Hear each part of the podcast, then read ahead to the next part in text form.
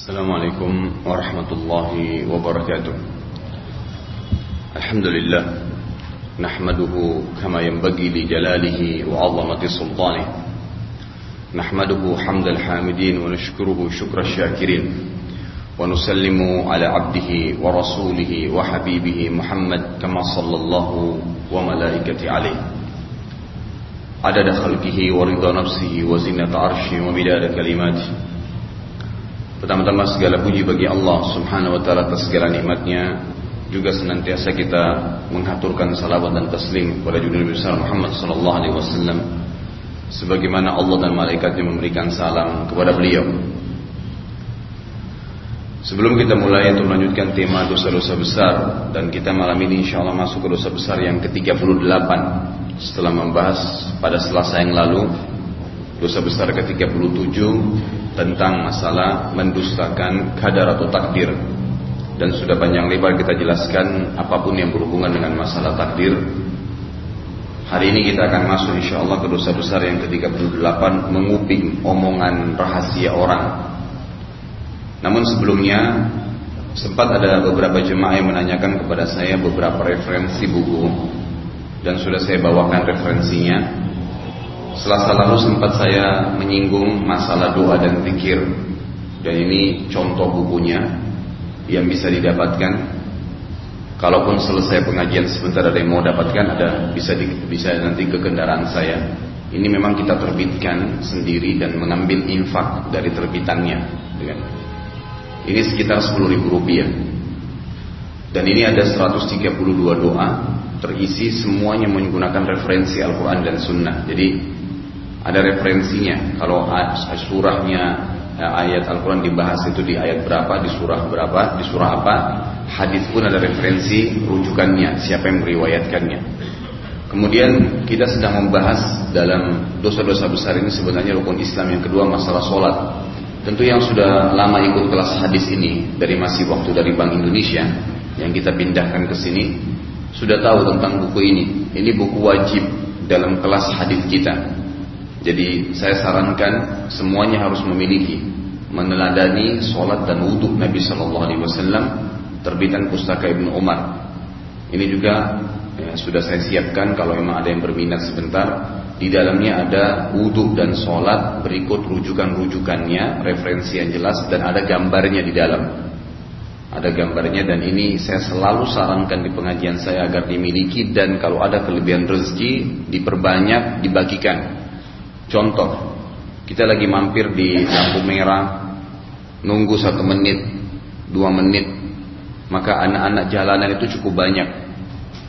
Daripada kita biarkan dia menyanyi dan kita memberikan uang seribu rupiah, coba praktekin, ambil buku ini kasih hadiah ke dia.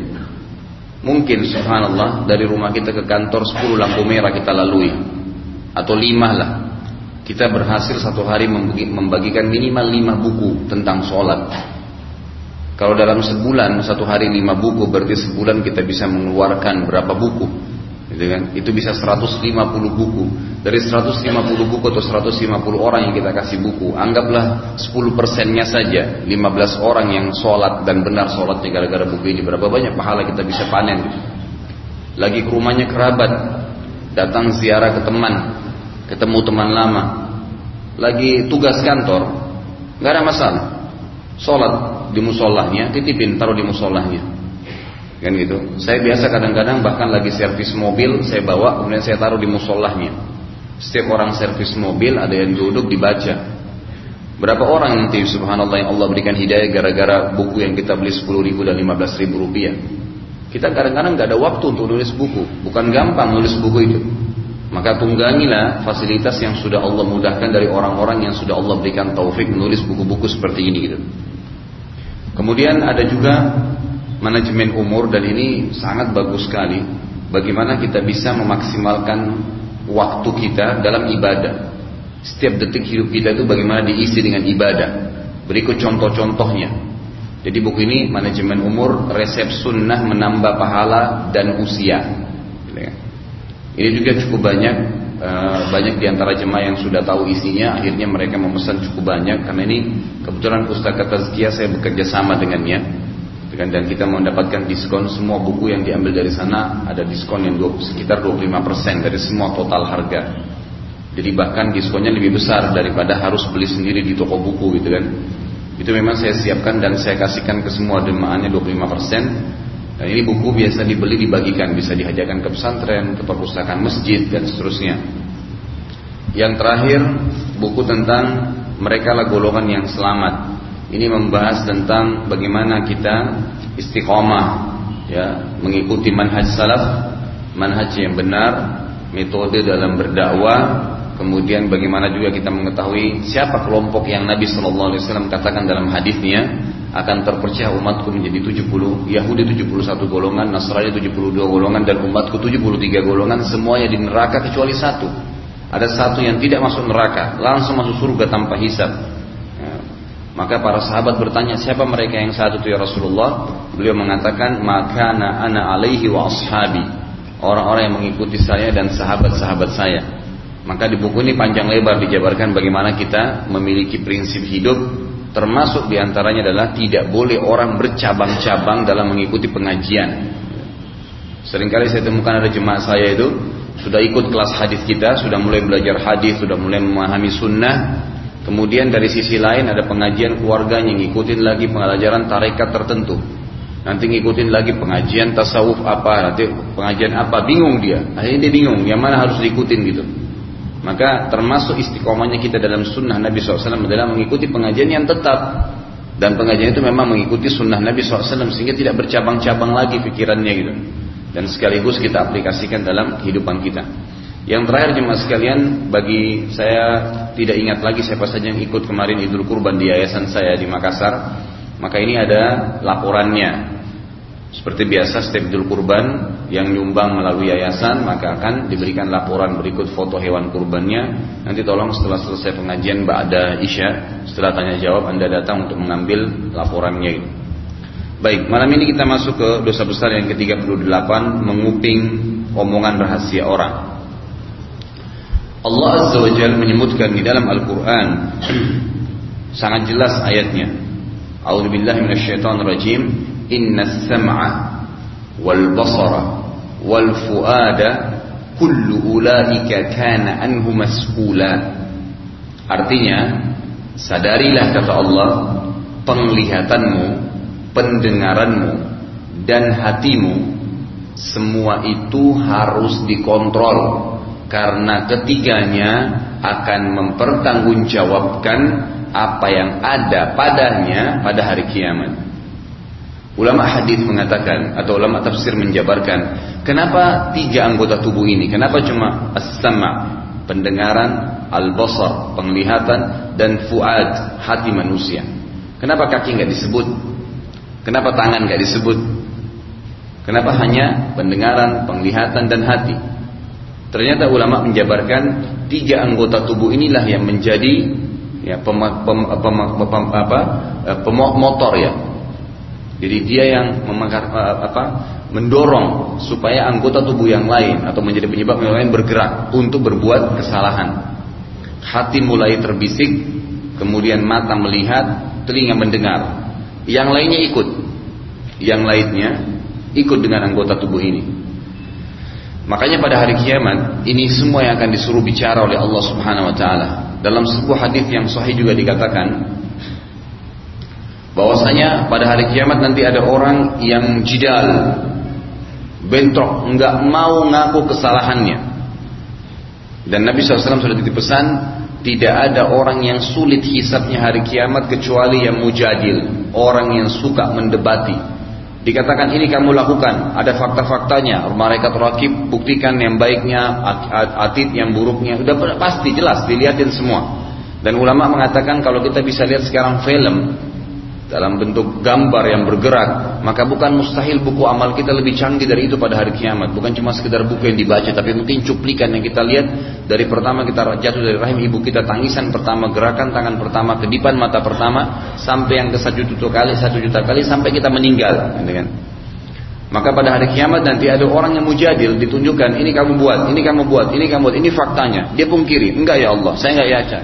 Rakib catat, atid catat. Enggak, saya enggak percaya malaikat. Lalu Allah tanya pada dia, kata Nabi SAW, siapa yang kamu percaya? Dia bilang, saya tidak percaya kecuali anggota tubuh saya sendiri. Maka Allah pun akhirnya menutup, perhatikan, Allah menutup, ya, menahan lisannya dan membuat pendengarannya, penglihatannya, lalu diikuti dengan anggota tubuh lain memberikan kesaksian. Matanya berkata, iya ya Allah, saya pernah lihat pada hari ini, tempat ini, saya melakukan ini. Pendengarannya mengatakan, iya ya Allah, saya mendengar, dan seterusnya. Sampai ya seluruh anggota tubuhnya memberikan kesaksian. Setelah itu dibuka oleh Allah SWT lisan yang disuruh bicara. Dia berkata apa? Allah kekalkan dalam Al-Quran, dibongkar apa yang terjadi pada hari kiamat. Dia berkata, A'udzubillah lima syahidtum alaina. Kenapa kalian ini dia berkata pada anggota tubuhnya sendiri, kenapa kalian menjadi saksi terhadap diri kalian sendiri? Lalu mereka semua berkata, pendengarannya, penglihatan dan anggota tubuh yang lain, ya antakan Allahu alladhi antaka kulla syai. Kami telah dibuat berbicara oleh zat Allah yang telah membuat segala sesuatunya bisa berbicara. Bisa berbicara. Juga ada ayat lain. Ini satu sisi ya, pertanggungjawaban, pendengaran, penglihatan dan seterusnya. Sisi lain, Allah Azza wa Jal juga menjadikan pendengaran dan penglihatan adalah nikmat yang paling besar termasuk adanya hati seseorang. Jadi subhanallah ulama mengatakan kalau ada orang kakinya pincang atau patah, dipotong, amputasi misalnya. Ada orang tangannya nggak ada, kan gitu. Ada orang rambutnya nggak tumbuh. Ada orang anggota tubuhnya stroke. Tapi selama pendengarannya bisa mendengar, penglihatannya bisa melihat, hatinya masih bisa ya berfungsi, maka orang ini hidup. Tapi kapan orang itu tuli, walaupun anggota tubuhnya semua berjalan, bergerak, dianggap dia seperti susah sekali. Atau ada orang buta, bisa mendengar, anggota tubuh berfungsi tapi buta. Seakan-akan dia juga nggak bisa hidup, susah, gitu kan? Apalagi juga terma atau termasuk juga kalau hatinya dia yang rusak. Maka memang tiga anggota tubuh ini kata ulama berbeda. Makanya Allah sebutkan tentang tiga anggota tubuh ini secara khusus, gitu kan? Dikatakan adalah nikmat yang terbesar. Kata Allah SWT dalam surah Al-Mulk, A'udzubillahi minasyaitonir rajim, "Qul huwallazi ansha'akum wa ja'ala lakumus sam'a wal absara wal af'idah. Qalilan ma tashkurun." Katakanlah hai Muhammad kepada mereka bahwasanya Allah lah Tuhan kalian yang telah menjadikan untuk kalian pendengaran, penglihatan dan hati. Sangat sedikit kalian bersyukur, gitu kan? Gak disebutin kaki, yang disebutin tangan, yang disebutin anggota tubuh ini yang kalau ini masih berfungsi di tubuh manusia, dia masih bisa mendengar, dia masih bisa melihat, hatinya masih bisa berfungsi, walaupun di kursi roda tetap dianggap dia masih menikmati kehidupan. Beda dengan kalau hal-hal ini tidak berfungsi. Baik. Karena ketiga anggota tubuh ini bertanggung jawab atau akan diminta penyampaian pada hari kiamat, maka kita dianjurkan untuk tidak ya membuatnya terjerumus pada hal yang dilarang. Telinga nggak boleh dengar yang haram, mata nggak boleh lihat yang haram dan hati pun tidak boleh terbisikkan di dalamnya hal-hal yang bisa mengundang pada hal yang haram. Nah, ini sudah sangat jelas.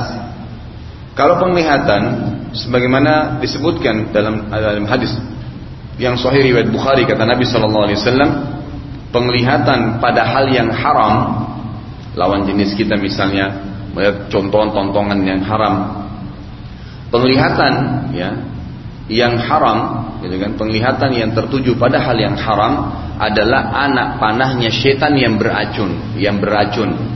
Jadi sekali kita lihat benda yang haram misal kita pernah nonton cuplikan film tertentu misalnya kemudian di situ ada hal yang haram itu akan terus dibuat oleh setan terbayang-bayang walaupun kita sudah taubat gitu kan. Jadi dia mengkopi itu. Karena para ulama juga mengatakan mata manusia itu seperti kamera tercanggih di dunia gitu kan dia bisa merekam, bukankah kita kalau pergi satu lokasi kita pernah lihat ada tanaman yang bagus, pemandangan bagus, kemudian kita tinggalkan. Mungkin cuma lima menit. Sepuluh tahun kemudian kita datang, lihat ke lokasi yang sama, lihat kita akan mengatakan, oh iya pernah saya ke sini. Matanya sudah merekam. Kan gitu. Ini mata nggak boleh dilihat kecuali hal-hal yang dibolehkan. Boleh menikmati keindahan alam, tumbuh-tumbuhan, ya, kendaraan yang bagus, pemandangan yang bagus, tapi ada yang dilarang, ada yang boleh dibolehkan, ada yang tidak dibolehkan. Nah, kita harus pertemukan antara yang dibolehkan lebih banyak dengan yang tidak dibolehkan yang sedikit. Seperti misalnya kita tidak boleh melihat lawan jenis yang bukan mahram kan gitu. Tapi kita boleh melihat pasangan hidup kita yang halal, boleh melihat mahram kita. Kita bol tidak boleh melihat tadi lawan jenis itu, tapi kita boleh melihat pemandangan, boleh melihat makhluk Allah yang lain. Kenapa harus lihat yang haram? Begitu juga dengan pendengaran. Harus digunakan untuk yang mendengarkan ayat-ayat Allah, zikrullah, nasihat. Tidak pernah kita gunakan untuk hal-hal yang mendengar hal yang haram. Di antaranya orang banyak mengisi kupingnya setiap hari berjam-jam dengan musik. Ya, sementara Abu Bakar mengatakan musik itu adalah mazamirus syaitan. Itu juga anak panahnya syaitan yang sangat berbahaya, berbisa. Gitu kan? Tidak akan pernah ketemu antara Al-Quran dengan musik. Maka telinganya dijauhkan dari hal ini. Juga termasuk kuping tidak boleh mendengar apa pun yang berhubungan dengan yang tidak ada urusan dengan dia. Jadi ada orang yang lagi teman-teman duduk gosipin orang, udah kita tinggalin, nggak ada hubungannya, kuping kita nggak boleh terlibat di situ. Ya, nggak ada urusan, tidak boleh karena itu akan bertanggung jawab pada hari kiamat. Jadi tidak boleh mendengar apa pun yang berhubungan dengan perkataan orang atau yang bukan urusan kita. Makanya kata Nabi Shallallahu Alaihi Wasallam, "Da' ma yaribuka ila ma la yaribuk." Tinggalkanlah sesuatu yang tidak bermanfaat bagimu dan kerjakanlah apa yang bermanfaat untukmu. Udah selesai, nggak usah, nggak ada manfaatnya, nggak perlu. Untuk apa-apa manfaatnya kita mendengarkan tentang gosip rumah tangganya orang, tentang kerjanya orang? Apa manfaatnya buat kita? Nol, nggak ada manfaat sama sekali.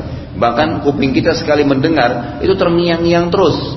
Gitu kan? Kalau bukan penglihatan kita dibayangkan oleh syaitan untuk mengingat apa yang pernah kita lihat atau telinga kita apa yang pernah kita dengar. Bukankah kadang-kadang kita lagi duduk sendirian terus kita melamun tiba-tiba ada bisikan kuping, ya kan? Ada ucapan-ucapan yang pernah kita dengar dulu, bisikan syaitan melalui kuping, gitu kan? untuk masuk supaya dia bisa membuat hati manusia terganggu. Maka ini juga harus hati-hati. Begitu pula dengan hati manusia. Usahakan hati ini selalu bersih. Ya, kata Allah SWT, illa man atallah biqalbin salim. Nanti pada hari kiamat yang bisa selamat dari adabnya Allah hanya orang yang datang dengan hatinya bersih. Nggak ada dengkinya, nggak ada irinya, nggak ada penyakit-penyakit hati. Hatinya selalu bersih, nggak ada musuhnya. Dalam sebuah hadis yang sahih kata Nabi SAW pernah ada ya, seorang sahabat Waktu itu selesai sholat nih atau mau sholat menunggu iqamah. Lalu kata Nabi SAW akan masuk dari pintu masjid ini ahli surga. Sahabat semua lihat ke arah pintu itu. Mereka bingung siapa orang itu. Datanglah seorang sahabat yang biasa sekali, nggak ada sama sekali ya e, punya ciri khas gitu. Bukan bukan sahabat yang menonjol, bukan yang di saf pertama kalau halakan Nabi sedang dibuka, bukan orang yang selalu paling pertama mengerjakan ibadah-ibadah yang telah Nabi perintahkan. Dia ikut iya, tapi bukan orang yang menonjol gitu. Kalau sahabat semua bingung, kok bisa orang yang dapat jaminan surga ya? Sahabat diam. Hari kedua Nabi bilang lagi Sallallahu Alaihi Wasallam akan masuk di pintu ini ahli surga. Masuk orang yang sama lagi. Sahabat lihat orang ini lagi.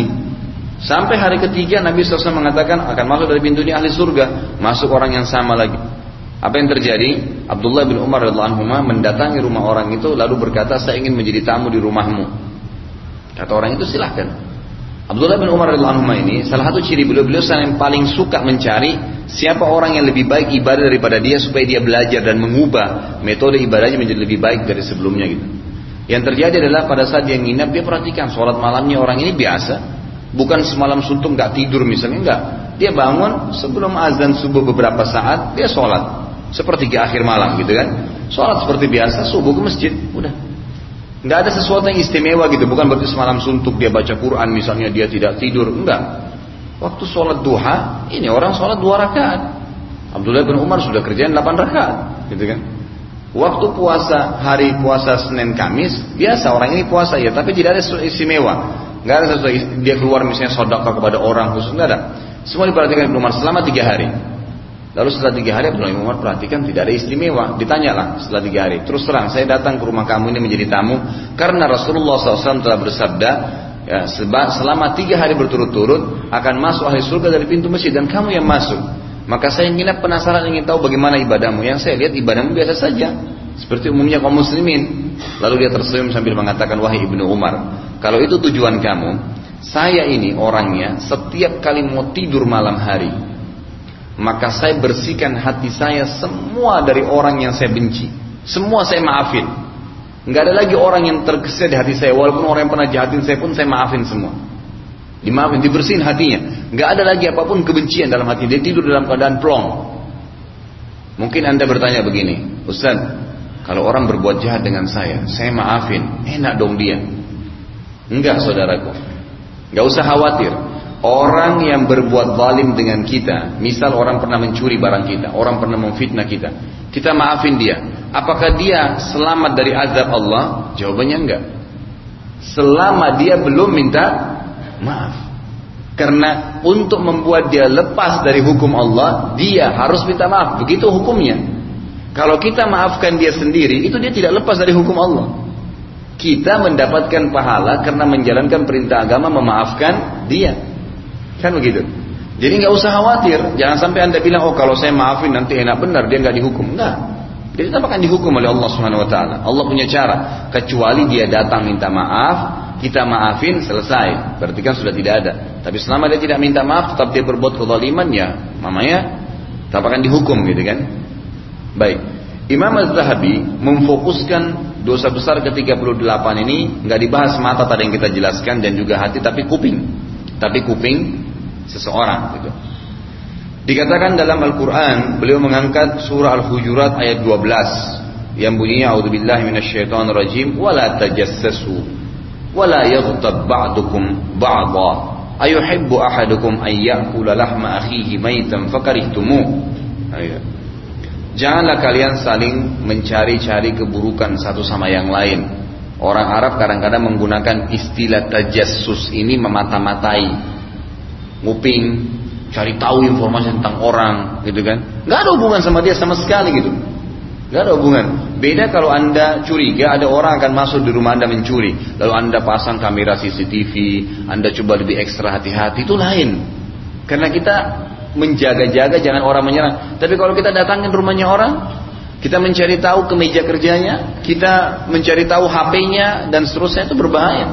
Nggak boleh, nggak boleh tajassus.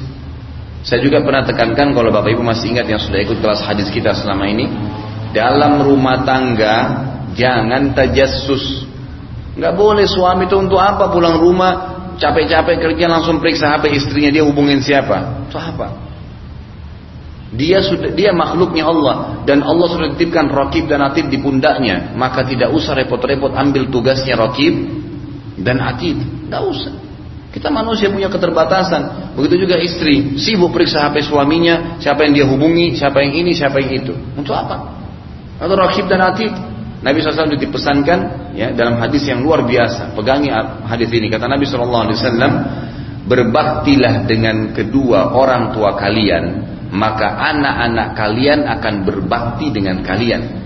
Jagalah kehormatan, kemaluan kalian, pergaulan kalian maka pasangan hidup kalian akan menjaga hubungannya atau kehormatannya.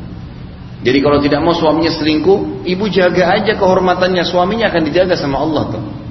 Kalau memang dasarnya dia bobrok tetap selingkuh, nanti Allah punya cara memisahkan kita dan Allah akan gantikan dengan pasangan yang lebih baik. Itu yang paling jauh. Tapi kalau tidak maka Allah akan jaga. Kalau dia buat tidak baik pun dia terjaga, tidak jadi dia buat salah karena kita menjaga kehormatan.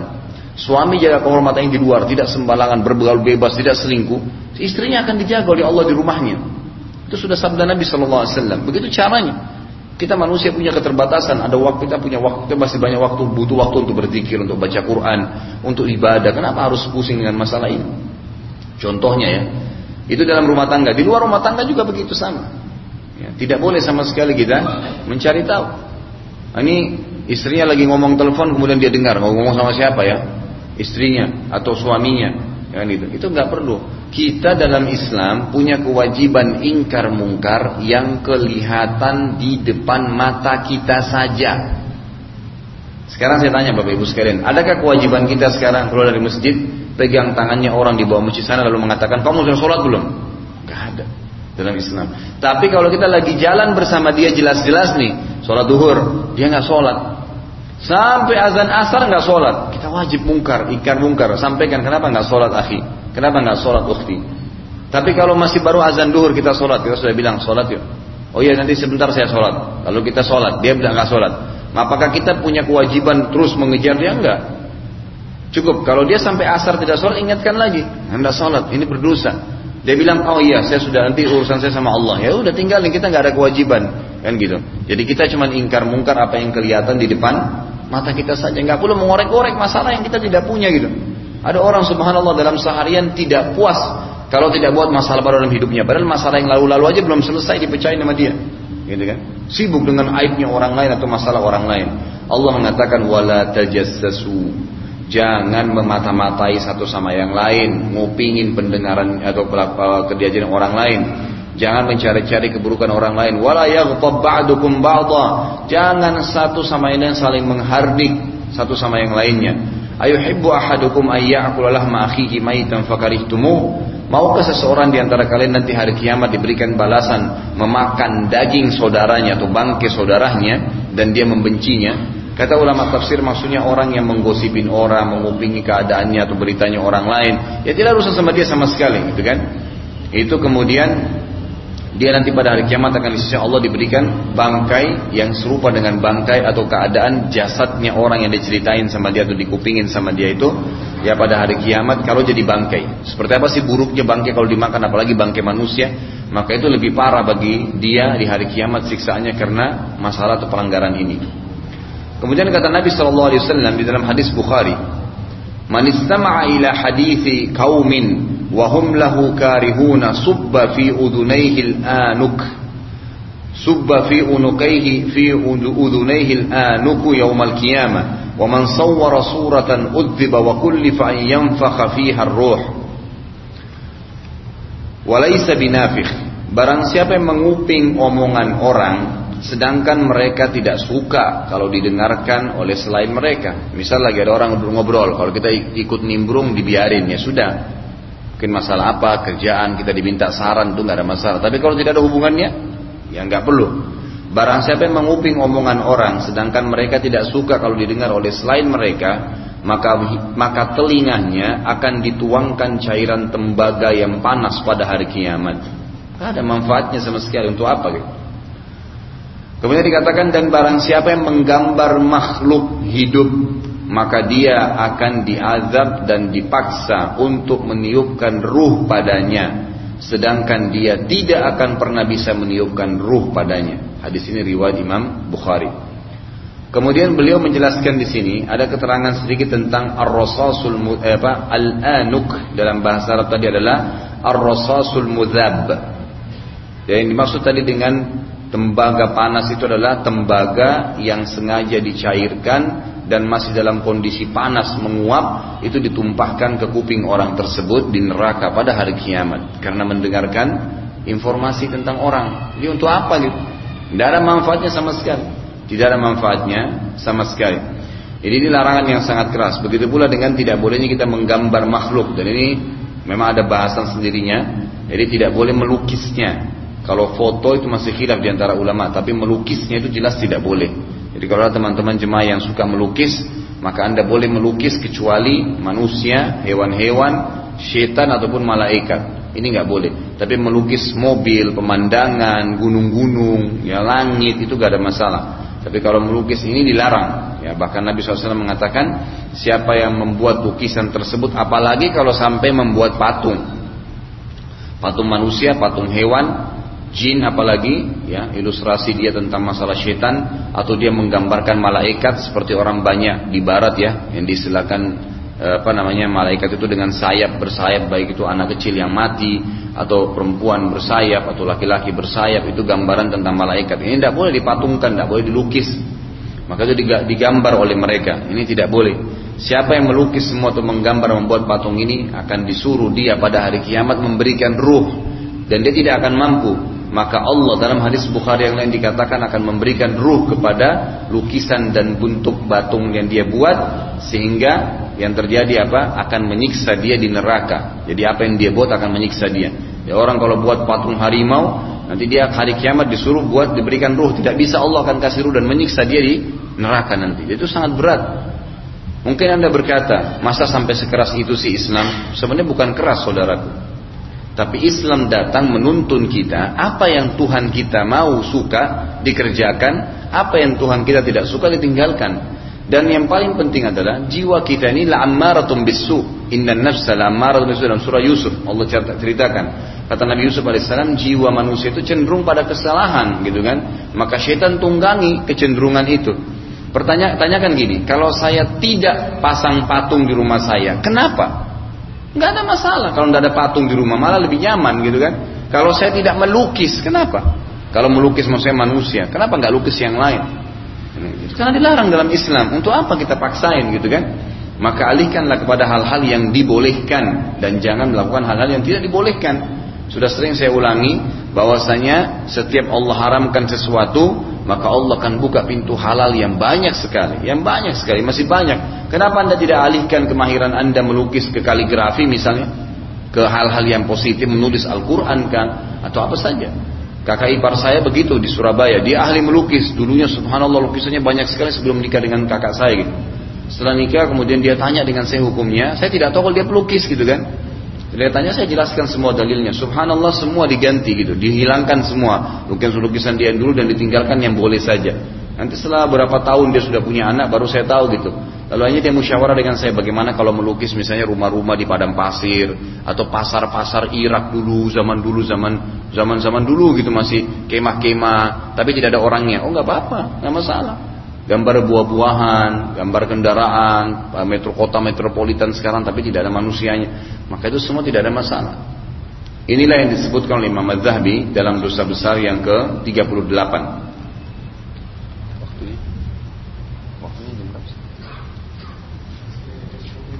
Baik.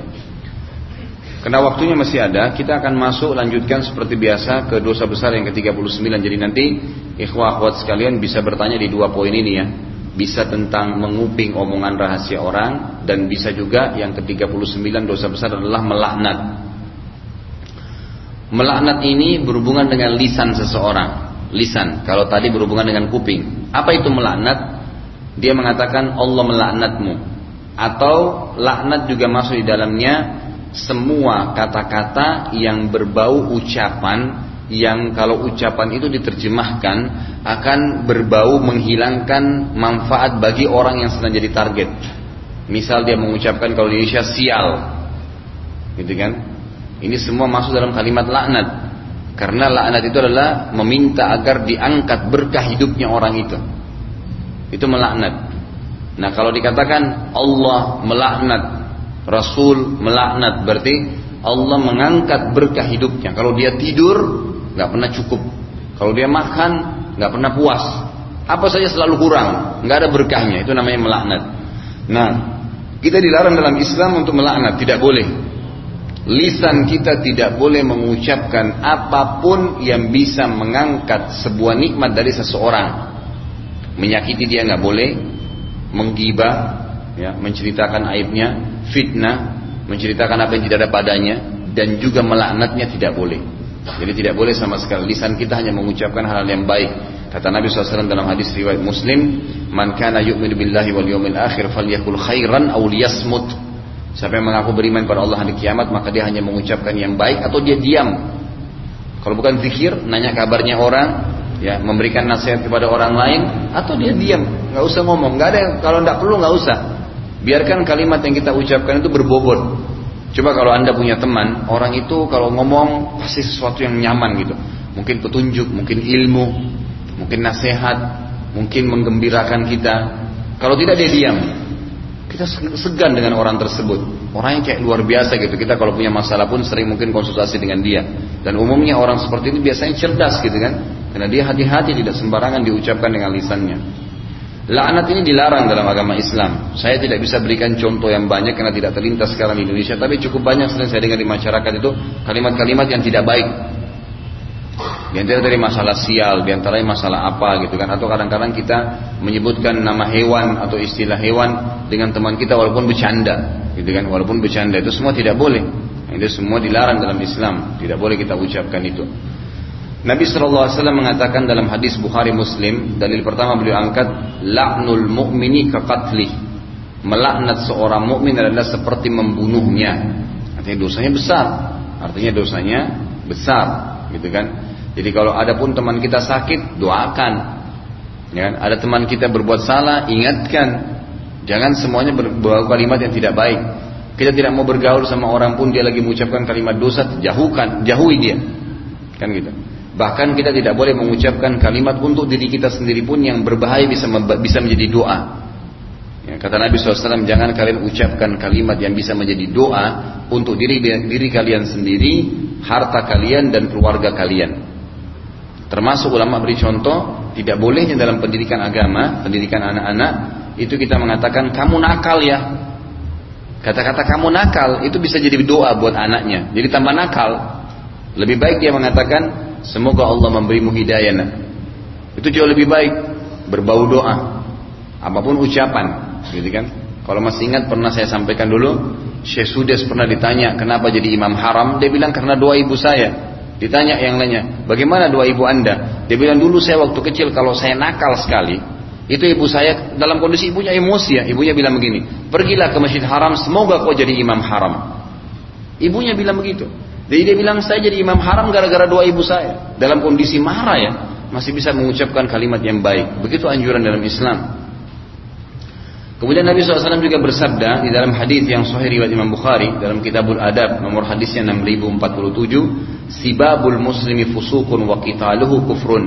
Mencaci maki seorang muslim adalah suatu kefasikan dan membunuhnya adalah suatu kekafiran. Jadi ini berhubungan semua laknat itu masuk semuanya ya, mencaci maki, menghardik, menjatuhkan, meremehkan, semua masuk dalam laknat tuh. Jadi nggak boleh sama sekali dalam Islam. Kata Nabi SAW mencaci maki seorang muslim adalah suatu kefasikan. Sampai ulama bilang begini, kalau misalnya ada benda kita dicuri orang, saya kasih contoh gini lebih real. Anda keluar masjid sendal Anda dicuri orang. Pencuri dapat dosa dengan mencurinya. Kita ya, pada saat sedang terkecurian tadi, berarti sedang ada musibah. Disuruh untuk sabar. Apa itu sabar? terima takdirnya Allah sendalnya hilang lalu ikhtiar coba cari coba cari ya mungkin ada tanya nggak ada sudah ambil beli 50 ribu sendal ganti kemudian sangka baik dengan Allah oh mungkin sendal itu ada uang haramnya mungkin Allah mau saya ganti sendal baru. Alhamdulillah. Sudah lupain aja itu anggap sedekah. Sudah selesai. Begitu orang mukmin jadi enak hidupnya. Beda dengan orang yang tidak paham keluar dari masjid baru hadir di majelis ilmu. Sendalnya hilang. Caci maki pencurinya. Kembali sendalnya dengan mencaci maki? Enggak kembali kan? Tapi pencuri berdosa dengan mencurinya, dia berdosa dengan caciannya. Karena nggak boleh kita mencaci. Memang dia berbuat salah, nggak usah khawatir, dia akan dihukum sama Allah. Kita punya Tuhan, bukan kita yang menghukum dia, nggak usah khawatir. Allah tidak akan membiarkan kezaliman itu merajalela, tidak akan mungkin. Allah Subhanahu wa taala akan menghukum ada batas waktu di mana dia akan selesai. Bahkan kadang-kadang subhanallah Allah mendatangkan penjahat-penjahat. Ada subhanallah pernah orang kehilangan harta sangat banyak, nangis-nangis. Saya bilang begini. Allah Azza wa ya coba muhasabah dulu Bapak Ibu sekalian muhasabah. Uang itu mungkin ada uang haramnya enggak? Karena kadang-kadang Allah ini mau menghilangkan dari kita yang memang tidak layak untuk kita makan, diberikan kepada orang yang layak makan. Mungkin karena itu uang haram, maka yang curi itu lebih pantas untuk makan. Kita nggak pantas. Allah ganti dengan caranya harta yang lain. Banyak orang tidak tahu itu. Hikmah-hikmah bisa diambil dari pencurian yang terjadi misalnya. Nah kita harus selalu sangka baik dengan Allah SWT sebagaimana sabda Nabi SAW dalam hadis kursi Allah riwayat Bukhari kata, kata Allah SWT ana inda dhanni abdi bi saya selalu dengan prasangkaan hambaku juga dalam Sahih Muslim Rasulullah SAW bersabda, لا yakunu la yakunu la'anun syufa'a wala syuhada yaumal qiyamah. Orang-orang yang gemar melaknat mengucapkan kalimat-kalimat yang tidak bermanfaat dari lisannya apalagi sampai menghardik, mencela, menjatuhkan orang lain tidak akan menjadi pemberi syafaat dan juga tidak akan menjadi saksi atas umat-umat lain dan disampaikan risalah pada hari kiamat. Mungkin Anda bertanya, apa itu syafaat? Jadi ada sebuah kasus jemaah sekalian, kalau kita misalnya pada hari kiamat ditimbang amalnya nih. Amal soal kita lebih banyak daripada dosa. Selamat masuk surga kan? Karena amal kita lebih banyak kan gitu. Misal kita sudah selamat dari hisab. Maka kalau kita selamat dari hisab, kalau Anda mukmin, Anda orang mukmin, maka Anda boleh dengan selamatnya Anda dan ada kelebihan pahala memberikan syafaat kepada orang lain yang belum selamat di timbangan. Itu namanya syafaat. Kita boleh. Tapi syaratnya kita selamat dulu. Kita selamat dulu. Jadi kalau amal kita lebih banyak, maka yang lebih itu bisa kita bantukan kepada ayah kita misalnya, kepada istri kita, kepada anak kita, bisa dibantuin. Maka ada syafaat yang kita berikan. Nah, khusus bagi orang yang tidak bisa mengontrol lisannya, walaupun nanti dia selamat dari hisab, dia nggak boleh berikan syafaat, nggak boleh dia bantu orang lain. Jadi menahan fasilitas itu. Ini dimaksud dengan hadis tadi. Jadi orang yang suka melaknat tidak boleh atau tidak akan memberikan syafaat pada hari kiamat. Kemudian kata Nabi Shallallahu Alaihi Wasallam di dalam hadis yang lain juga, tadi itu riwayat Imam Muslim ya, dalam Kitabul Bir nomor hadisnya 200 atau 2598. Sekarang hadis yang lain Nabi SAW bersabda riwayat Imam Muslim juga dalam Kitabul Bir, ini nomor hadis 2597. La yang bagi li sadiqin an yakuna la'anan. Tidak patut dijadikan teman seseorang yang suka melaknat kita baru berteman sama seseorang, baru berteman, baru kenalan. Yang paling pertama dia cerita tentang aib tempat kerjanya, aib bosnya, aib istrinya, aib suaminya, aib temannya, siapa saja. Kalau orang baru kenalan aja sudah cerita begitu, maka pasti satu waktu dia akan ceritakan anda juga. Tidaklah ya jadi sahabat, jangan jadikan teman.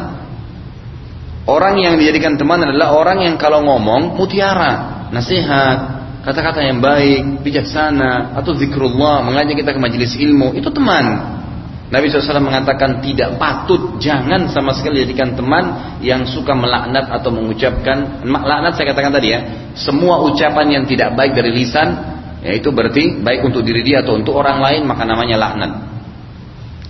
Kemudian Nabi SAW juga mengingatkan kepada kita dalam hadis yang dihasankan oleh Imam Tirmidzi dan ini disebutkan di dalam hadis nomor 1978 dan Al Hakim juga menyebutkan hadis ini dan disepakati oleh Imam Al-Zahabi tentang kesahihannya.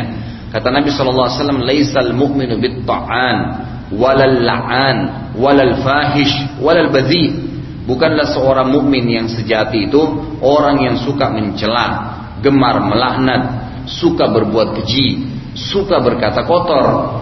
Orang mukmin jauh semua itu nggak pernah mengucapkan kalimat kotor, nggak pernah menjatuhkan orang, nggak pernah menghardik, mencela, nggak ada yang negatif. Semua lisannya mengucapkan yang baik saja. Kemudian Nabi Wasallam juga mengatakan dalam hadis yang diriwayatkan oleh Imam, Abu Dawud dan ini disebutkan dalam Kitabul Adab nomor 4905, gitu kan? Dikatakan Nabi SAW bersabda Innal abda idza la'ana syai'an sa'idatil la'natu ila samai fatuqlaqu abwabus samai dunaha ثم tahbitu إلى الأرض fatuklaku أبوابها دونها ثم تأخذ يمينا وشمالا فإذا لم تجد مساقا رجعت إلى الذي لعن إن كان أهلا لذلك وإلا رجعت إلى قائلها Sesungguhnya seorang hamba apabila ia melaknat sesuatu, mengucapkan kalimat yang tidak baik ke dirinya, ke temannya, ke kendaraannya. Hati-hati ya, Indonesia ini paling sering sekali kalau mobilnya tabrakan ke apa, sial itu kalimat termasuk laknat, tidak boleh itu. Kalau dia mengucapkan kalimat laknat, apa pun yang tadi negatif dari lisannya, laknat itu mendaki naik ke langit, kata Nabi SAW. Maka pintu-pintu langit ditutup di hadapannya. Kemudian laknat kembali lagi ke bumi dan pintu-pintu pun bumi pun ditutup untuk atau di hadapannya. Lalu ia mengambil arah ke kanan dan ke kiri dan ketika ia tidak menemukan jalan, maka ia kembali kepada orang yang dilaknat, yang jadi target disebutkan. Apabila ia memang berhak mendapatkannya, namun jika tidak, maka ia menimpa orang yang mengatakannya. Ia menimpa orang yang mengatakannya. Mungkin Anda bertanya, emang ada orang yang layak untuk dilaknat? Ada. Seperti misalnya orang-orang kafir yang sudah meninggal atau orang kafir yang sudah banyak memerangi kaum muslimin. Ya, itu boleh. Seperti misalnya Nabi SAW melaknat kaum yang pernah membunuh 70 sahabat hafal Quran mereka berkhianat, membunuh. Maka Nabi SAW melaknat kaum tersebut. Ya kan gitu. Sekarang kalau Fir'aun sudah mati, boleh nggak kita mengatakan Allah melaknat Fir'aun? Boleh. Iblis kita mengatakan laknatullahi alaih. Boleh, gitu kan? Ada memang sasaran dibolehkan dalam syariat, tapi tidak umum.